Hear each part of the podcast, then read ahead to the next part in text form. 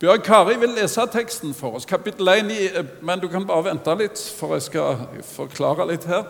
Men før det så har jeg lyst til å si litt, sånn at det, eh, det blir litt, litt klart bilde før vi går i gang med både denne bok og denne tekst. Her ser dere et kart, og det kartet er ifra Lille Asia. I dag Tyrkia. Eh, Johannes det var han som var en av Sebedeus' sønnene, den yngste i disippelflokken. Han som skrev Johannes' evangelium, og som alltid omtalte seg selv med den tittelen 'Han som Jesus elska'. Nå er han blitt eh, kanskje mellom 80 og 90 år. Han eh, var i arbeid her i eh, muligens i Efesus og ble fengsla under forfølgelse på den tida. Keiseren som het Dominician på den tid. Og Han ble satt som fange her ute på ei lita øy som heter Patmos. Og Når han er på Patmos, så begynner Gud å tale til ham om de ting som skal skje. Om eh, Jesu gjenkomst og verdens avslutning. Johannes han er den disippelen som når Jesus hang på korset, så betrodde han Johannes mor si. Johannes, der er din mor, sa han. Eh, kvinne, der er din sønn, sa han til, til mor si. Og her i denne bok, Johannes' åpenbaring, så betror Jesus Johannes framtidsboken om verdens avslutning og hans gjenkomst. Så her sitter Johannes, og hele denne bok, ikke bare de tre første kapitlene, er skrevet til syv menigheter her i Lille Asia. Det var mange flere menigheter enn syv på den tid. Men syvtallet det er helt spesielt. Det skal jeg si eh, noe om en bitte liten stund. Så her har vi disse menighetene. Efesus, Smørna, Pergamum, Tyatira, Sardes, Philadelphia, Laudikea. For før eh, Jesus forteller om de ting som skal skje, så taler han til den hver enkelte menighet om at nå kommer det vanskelige tider. Og Det første som skal skje, det er det at eh, enhver menighet og enhver kristen kommer inn under Guds ransakelse i sitt personlige liv. Så nå kan vi få opp et tall her. Syvtallet. Hvorfor syv menigheter? Jeg vet ikke om dere eh, har studert dette med syvtall i Bibelen, men det er et veldig viktig tall. Gud skapte verden eh, på syv dager. Leser gjennom Johannes' åpenbaring, så ser han syv trompeter, syv plager.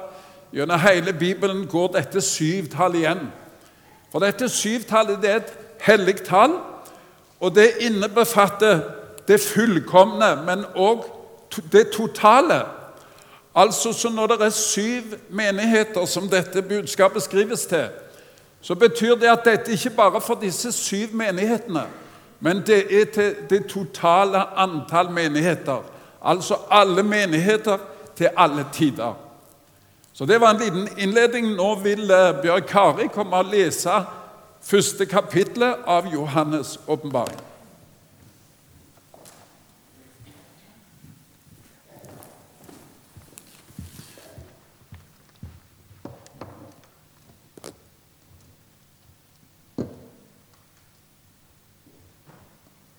Åpenbaring om det som skal skje i hast. Jesu Kristi åpenbaring, som Gud ga ham for at han skulle vise sine tjenere det som må skje i hast. Han sendte bud ved sin engel og kunngjorde det i tegn for sin tjener Johannes, som var vitnet om Guds ord og Jesu Kristi vitnesbyrd, alt det han så. Salig er den som leser og de som hører det profetiske ord, og holder fast på det som der står skrevet. For tiden er nær. Så er det hilsen til de sju menigheter i Asia. Johannes til de sju menigheter i Asia. Nåde være med dere, og fred fra ham som er, og som var, og som kommer og fra de sju ånder som er for hans trone, og fra Jesus Kristus, det troverdige vitne, den førstefødte av de døde og herskeren over kongene på jorden.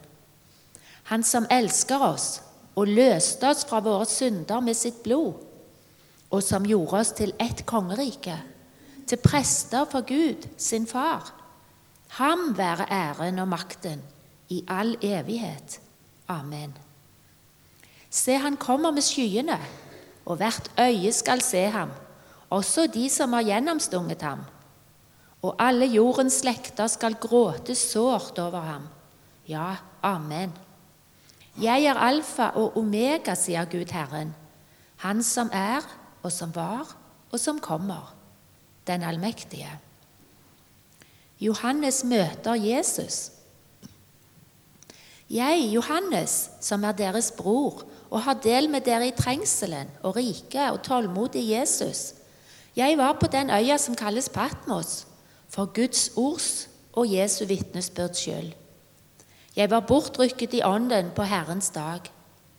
Og jeg hørte bak meg en veldig røst, liksom av en basun, som sa:" Det du ser, skriv det i en bok, og send det til de sju menigheter, til Efesus og til Smyrma, og til Pergamum og til Tyatira, og til Sardes og til Filadelfia og til Laudikea. Jeg vendte meg om for å se røsten som talte til meg, og da jeg vendte meg, fikk jeg, øye, fikk jeg øye på sju lysestaker av gull. Og midt mellom lysestakene var det en som lignet en menneskesønn. Han var kledd i en fotsid kappe, ombundet med et gullbelte under brystet. Hans hode og hår var hvitt som hvit ull, som snø, og øynene hans som en ildslue. Føttene hans var lik skinnende kobber, som om de var glødet i en ovn. Og røsten hans var som bruset av vannmasser. I sin høyre hånd hadde han sju stjerner, og av munnen hans gikk det ut et tveegget, skarpt sverd. Og ansiktet hans var som solen når den skinner i sin kraft. Da jeg fikk se ham, falt jeg ned for hans føtter som død. Men han la sin høyre hånd på meg og sa, Frykt ikke, jeg er den første og den siste og den levende. Jeg var død, og se, jeg er levende i all evighet. Og jeg har nøklene til døden og dødsriket. Skriv det du så, det som nå er, og det som skal komme etter dette. Og hemmeligheten med de sju stjerner som du så i min høyre hånd, og de sju gullysestaker. De sju stjerner er engler for de sju menigheter, og de sju lysestaker er sju menigheter.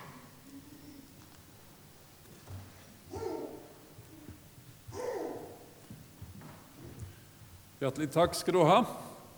Paulus skriver og sier det til de kristne legg vind på opplesingen av Skriften. Og det å lese Skriften, det er viktig.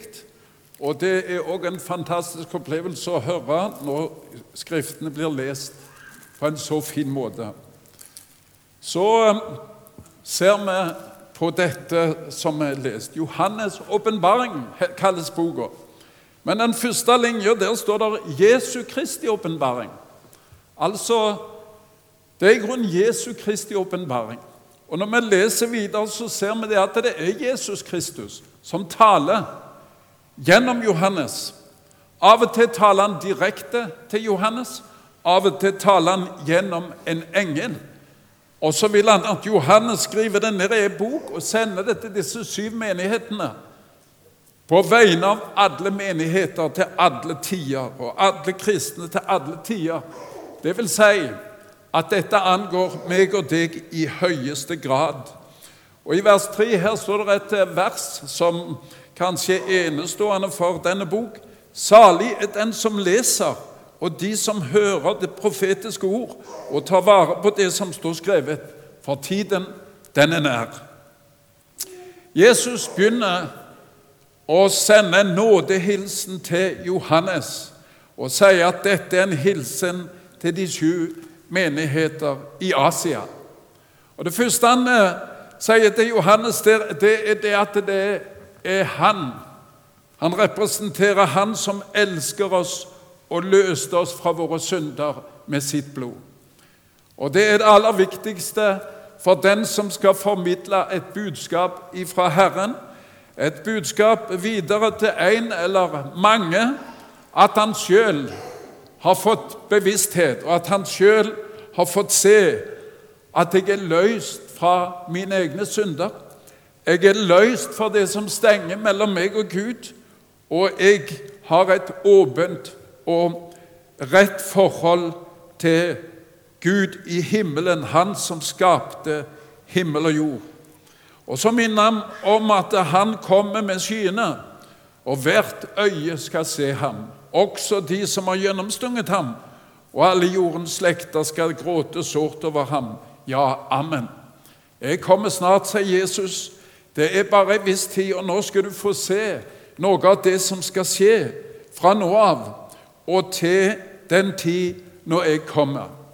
Og Så skriver Johannes at jeg var eh, fengsla på Patmos. Denne øya Patmos, der satt han eh, i fangeleir.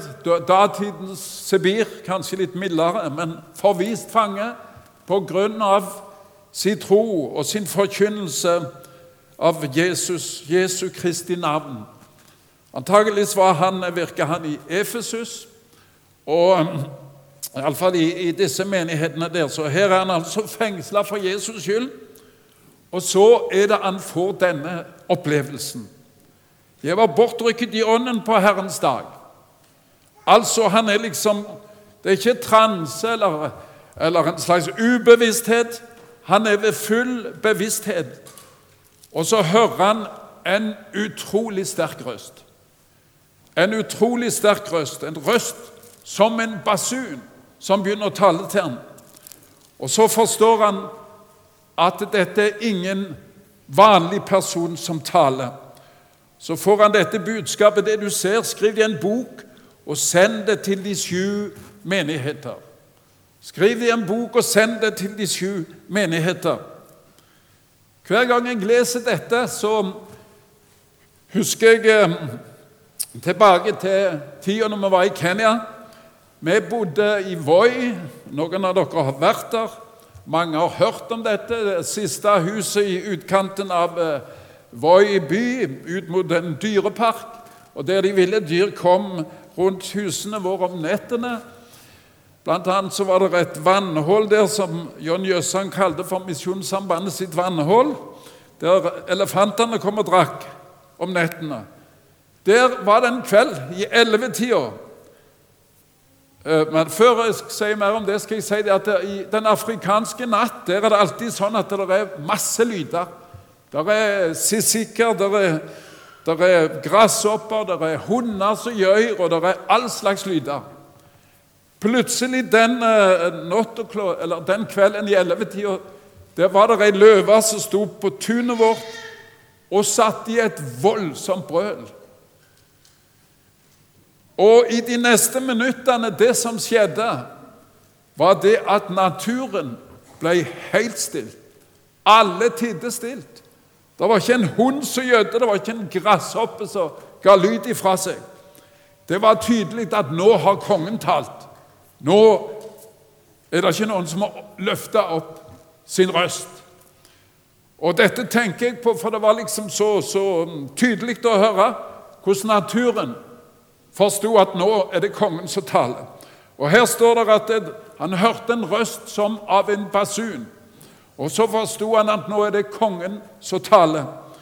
Skriv det du ser, og send det til de syv eh, menighetene. Og så begynner denne personen som han har eh, hørt røsten til, å presentere seg sjøl, eller vise seg.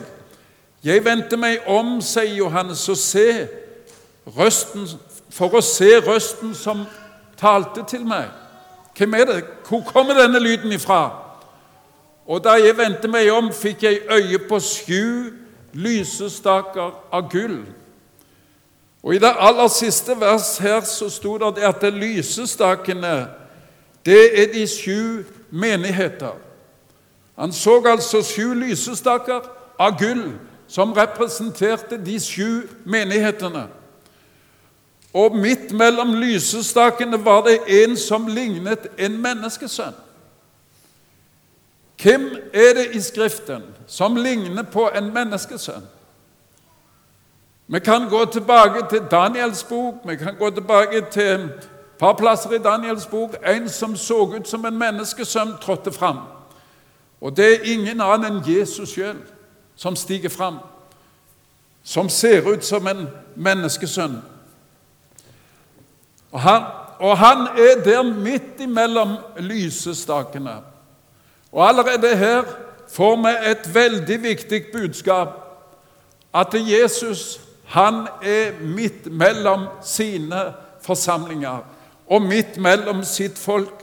Og han går i benkeradene med sin ånd. Jeg vet ikke om du tenker på det når du kommer til Salem. Så er det altså konkret ord fra Bibelen som sier det at Jesus er her. Han går mellom benkeradene. Og um, ikke bare på, hos de menighetene som var perfekte. For når en leser ut gjennom uh, Når Jesus gir sin karakter eller sin evaluering av disse menighetene, så var det slett ikke mye perfekt der. Men Jesus er der, der Hans ord blir forkynt, der det blir bedt bønner, der Hans navn blir påkalt.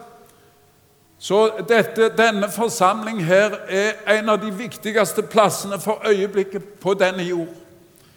For når Jesus ser fra sin himmel, så ser han en lysestage her i Salem. Og de andre plassene der Guds ord blir rett forkynt. I den betydningen av at verden ligger i mørket, verden ligger i synd, verden har vendt, eh, store deler vendt ryggen til Gud. Men i denne verden så ser Gud noen lys rundt omkring. Noen lysestaker som kaster lys. Og det er hans folk og hans forsamlinger og hans menigheter. Og her er altså i dag Jesus med Den hellige ånd midt iblant oss. For det Hans ord blir forkynt og lest og sunget om, og det blir bedt bønner, som det står at han legger øra sitt til for å lytte når hans folk ber bønner. Det er av og til vi trenger virkelig å minne hverandre om dette, for det kan av og til virke litt trasig og smått. Da regner det ute og litt av hvert. Er det noe så svært, dette? Ja, det er fantastisk. For her er det et lys i verden, en lysestage, der Guds ord blir forkynt. Det er en samling av de mest privilegerte mennesker på denne jord som har et evig håp om en dag å få nå fram til det evige Guds rike og nå fram til evig liv. Det er ingen liten forsamling eller liten sak. Midt mellom lysestakene var det altså en som lignet en menneskesønn. Han var kledd i fotsid kjortel, ombundet med et gullbelte under brystet. I skrift Dette er bilder fra Gamle testamentet. Hvem var det som var kledd sånn som denne personen, som Jesus her? Jo, det var ypperstepresten som var kledd sånn. Og ypperstepresten han var mellommann mellom Gud og mennesker. Det var han som skulle representere menneskene framfor Gud. Og vi vet at ypperstepresten var et bilde på Jesus sjøl. Og her står han altså fram i yppersteprestens kledning for å minne Johannes og menighetene om at han er der. Han er stadig vår mellommann. Han er i sin ypperste prest tjeneste, selv om han er forherliga og er ved Guds trone. Hans hode og hår var hvitt som hvit ull, som snø. Og hva symboliserer dette? Det symboliserer at hos Jesus er det absolutt renhet. Absolutt hellighet og absolutt renhet. Og I disse dager når vi ser hvordan ordet blir eh, holdt på å si, skitna til, hvordan Den hellige ånd, hvordan Jesus blir gitt å kunne godta ting som er direkte imot Hans ord, som er skitten, skitne ting, så forstår vi det at dette her går ikke an. For Jesus, der er det absolutt renhet og absolutt hellighet. Og hans øyne som en ildslue. Hans øyne som en ildslue. Han har et røntgensyn. Vi går på hospital og er vi heldige av og til så, og har en sykdom, så kommer vi inn etter mange måneder inn i en MR og blir kikket inn, innvortes. Men Jesus han har et mye sterkere syn enn den beste røntgenmaskinen. Når han begynner å tale til de enkelte menighetene, så sier han, begynner han hvert budskap med 'Jeg vet'. Jeg vet alt om deg. Jeg vet hvor du bor. Jeg vet om din trengsel. Det er ingenting hos deg jeg ikke vet. Og Hvis du eh, har kommet her i dag og tror det at det er noe i ditt liv Kanskje du driver med litt på si som ingen bør vite om, fordi det tåler ikke verdens lys, så skal du vite det at Jesu røntgensyn vet absolutt alt, avslører alt. Og det minner han oss om i disse ordene. Hans føtter var lik skinnende kobber, som om de var glødet i en ovn. Kobber, det var det metall som ble brukt på alteret der offeret ble slakta i den gamle pakt. Kobber er uttrykk for dom. Han kommer tilbake, så kommer han òg med dom.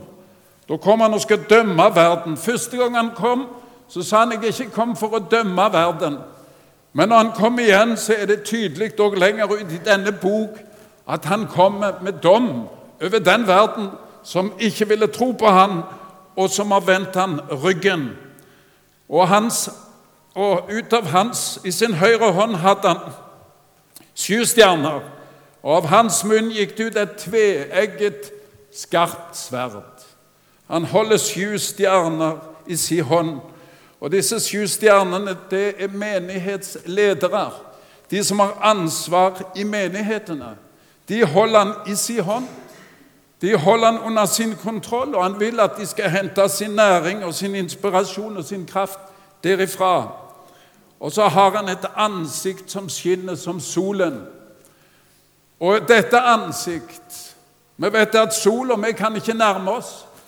Og vi vet òg at jordkloden vår er plassert sånn i forhold til sola at hvis det bare var et par grader skeivt, så ville vi brenne opp alle sammen.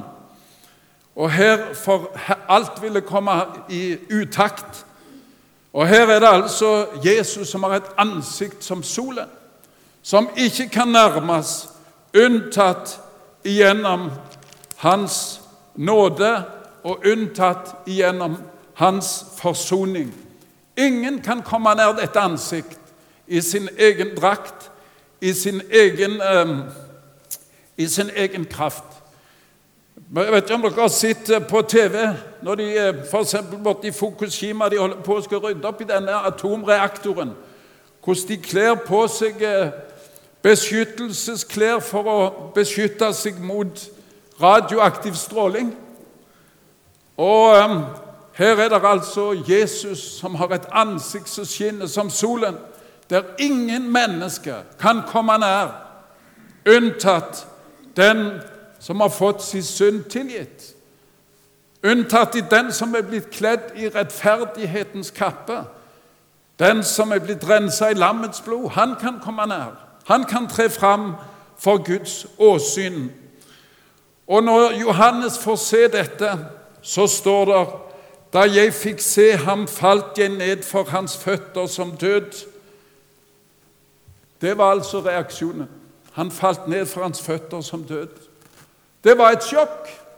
Han hadde ikke sett Jesus på 60 år, men når han så Jesus sist, så hang han på korset, og han var med når han steg opp til himmelen, men da var han i sin menneskelige form. Og her står han fram med alle sine himmelske attributter med, et, eh, med øyne som ildsluer, med ansikt som solen. Og han faller på sitt ansikt, stiv av skrekk. Og det tenker jeg at vi kan forstå han ser denne fryktinngytende person. Og det er interessant å se, for hvis en går gjennom Bibelen, så ser en det at i Guds nærhet så skjer det ofte at menneskene faller på sitt ansikt. Fordi det er sånn en sterk opplevelse, og i møte med Guds hellighet så faller menneskene på sitt ansikt. I dag hører vi om at de faller bakover. Og de til og med de som eh, driver med dette, må ha folk bak for å ta imot de som detter. Og jeg tror ikke det har dekning i Skriften. Hvis dere har vært borti det, så vil dere merke det at de som kommer fra den rette Guds åsyn, faller på sitt ansikt i ærefrykt for Han, for Hans hellighet. Og um, det er mange ting vet vi i dag som tukler med dette med Guds hellighet.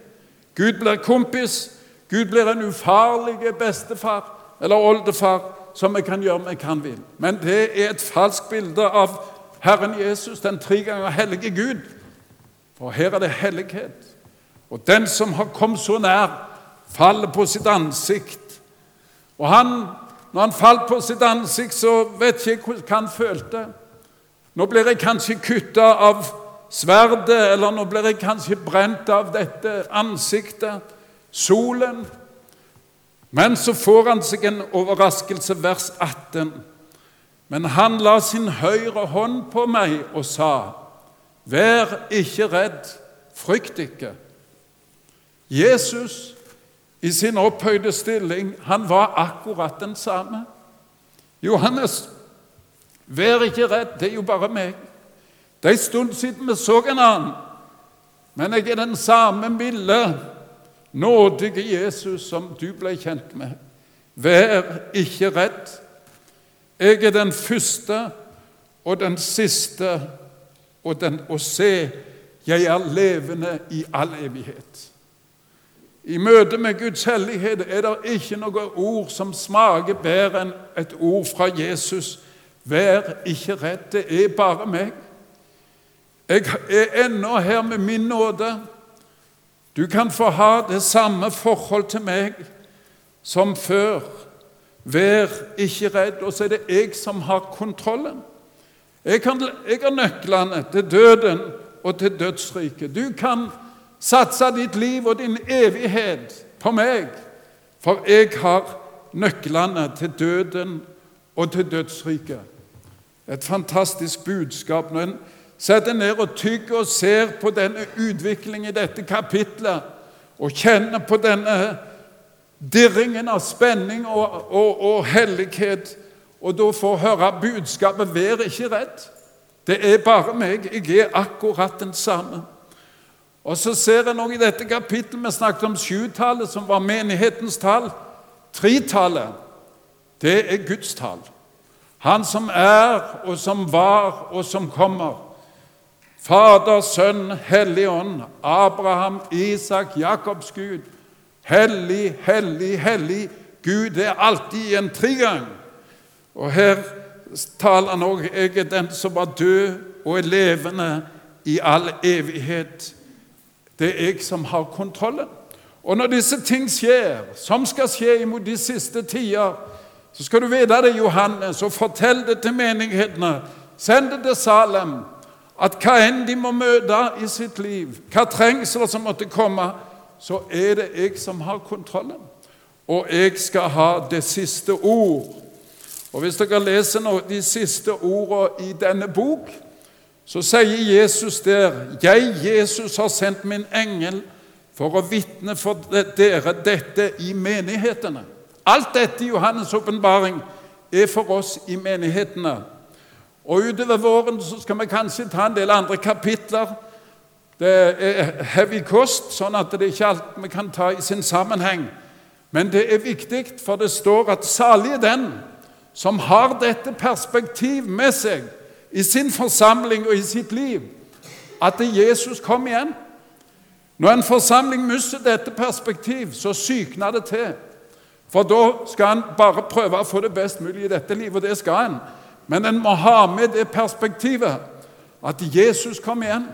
Og slik som det står gang etter gang her tiden er nær. Etter Guds tidsregning så er tiden nær. Det er ikke lenge før han kommer. Ånden og bruden sier 'kom', de siste ord i Bibelen. Det er som om Gud står med døra oppe, Jesus står med døra oppe, og så sier han, 'Kom. Bare kom. Det er nådetid.' Og Den som tørster, han får komme. Og den som vil, får ta livets vann uforskyldt. Vær ikke redd. Jeg ser fryktinngytende ut med alle mine attributter, men vær ikke redd. Jeg er stadig der og tilbyr nåde. Så ifra, Herifra så går han over til den enkelte menighet. Og det er et mønster for den enkelte menighet. Og Jeg håper at det, dere som vil følge med på disse timene, eller eh, eh vil prøve å passe, se på dette mønster Hva vil det si til meg?